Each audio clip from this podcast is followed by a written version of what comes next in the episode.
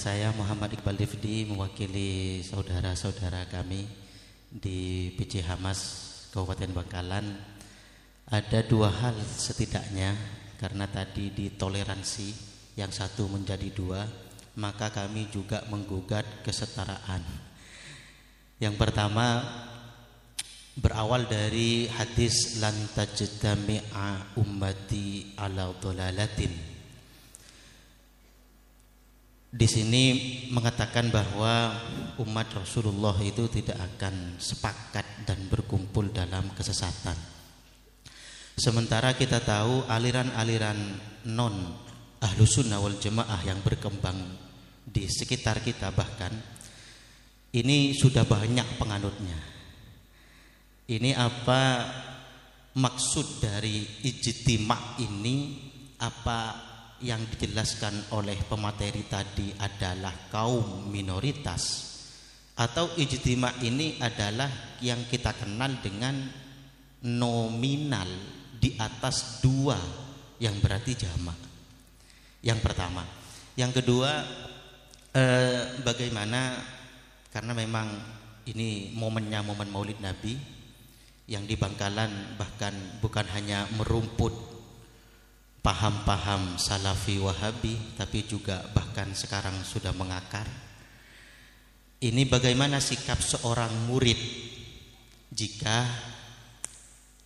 mengetahui atau sadar bahwa gurunya menganut paham non ahlu sunnah wal jamaah? Ini soalnya di Kabupaten Bangkalan banyak kita temukan ketika ditanyakan kenapa menganut ini Oh cek ringan ten gula kiai gula anu pak. Cek ringan guru gula ke anu pak. Ini bagaimana uh, sebenarnya sikap seorang murid ketika menemukan gurunya menganut faham di luar ahlu sunnah wal jamaah? Terima kasih. Assalamualaikum warahmatullahi wabarakatuh. Umatku daunnya kanjeng Nabi tidak mungkin sepakat dalam kesesatan. Artinya tidak mungkin kong kali kong sama-sama jeleknya itu enggak ada Nah kemudian hadis ini oleh sebagian ulama dikhususkan kepada sahabat.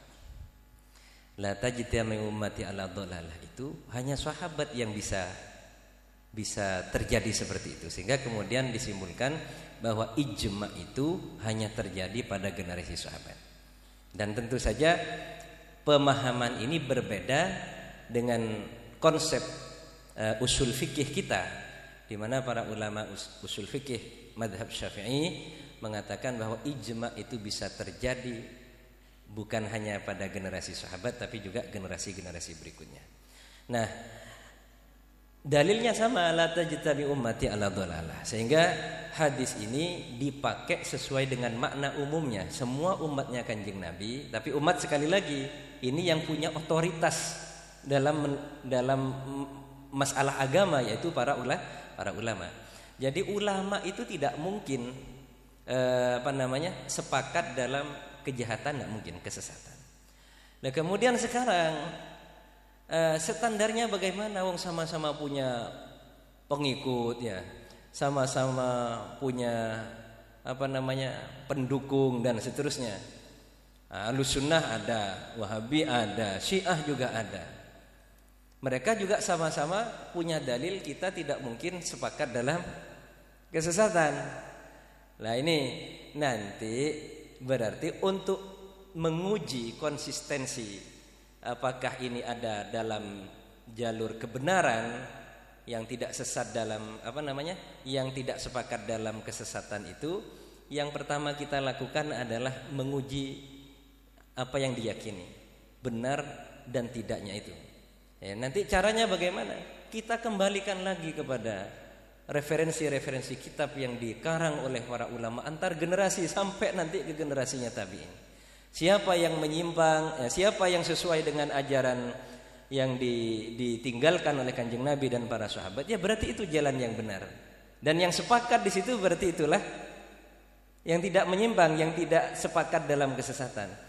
Nah, sedangkan yang mengikuti pendapat dari dulu yang sudah dianggap menyimpang dari kesepakatan para ulama, maka sampai sekarang pun meskipun banyak pendukungnya, mereka tetap disebut sebagai kelompok yang yang apa namanya? yang keluar dari uh, la tajtami ummati ala dhalalah. Itu yang pertama. Kemudian yang kedua, masalah pertanyaan, gimana kalau ada orang yang tahu bahwa gurunya itu salah ya atau mengikuti paham yang Wahabi umpamanya, ada yang kok Syiah umpamanya. Bagaimana sikap seorang murid? Ya kalau tahu ya jangan ikut. Masalahnya kadang kan tidak tahu. Ya kalau tahu seperti Imam Abdul Hasan Al Ashari dengan gurunya sendiri sekaligus ayah tirinya, ya jelas itu tidak tidak ikut bahkan menentang kan itu. Cuma persoalannya nanti kita tetap wajib menjaga adab ah itu. Jadi kalau dalam masalah ilmu dan dunia pemikiran kalau kita tahu, ini dalam tanda kutipnya ini yang harus diperbesar. Kalau kita tahu, masalahnya banyak yang tidak tahu.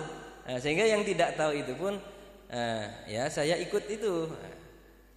karena tidak tahu. Kalaupun tahu mungkin hanya, oh dianggap itu bagian dari fitnah dan seterusnya. Jadi kalau memang kita tahu dan yakin bahwa pendapatnya atau yang diyakini oleh guru kita itu keliru, maka kita ikut yang dilakukan oleh Imam Abdul Hasan Al Asy'ari terhadap guru sekaligus uh, ayah tirinya beliau. Beliau tidak ikut. Terus selain persoalan ilmu dan keyakinan tadi dalam hubungan antara murid dan guru ini tetap tidak ada ceritanya mantan guru, juga tidak ada ceritanya bekas murid. Nah, ini selamanya akan ada keterikatan itu. Ya guru tetap wajib dihormati dan murid tetap wajib menghormati. Guru itu sebagai sebagaimana orang tua, nggak ada ceritanya mantan ayah, mantan ibu. Gara-gara kita tidak cocok dengan keyakinannya ayah, terus kita mengatakan, e, ya itu sudah bukan ayah saya dulu itu ayah saya. Kan tidak demikian juga. Jadi saya kira ini eh, cukup jelas ya. Jadi kalau dalam urusan pemikiran, keyakinan, kalau jelas tahu bahwa itu bermasalah, ya jangan ikut. Meskipun itu orang tua kita, guru kita, tapi di sisi lain kita punya kewajiban untuk tetap menghormati guru.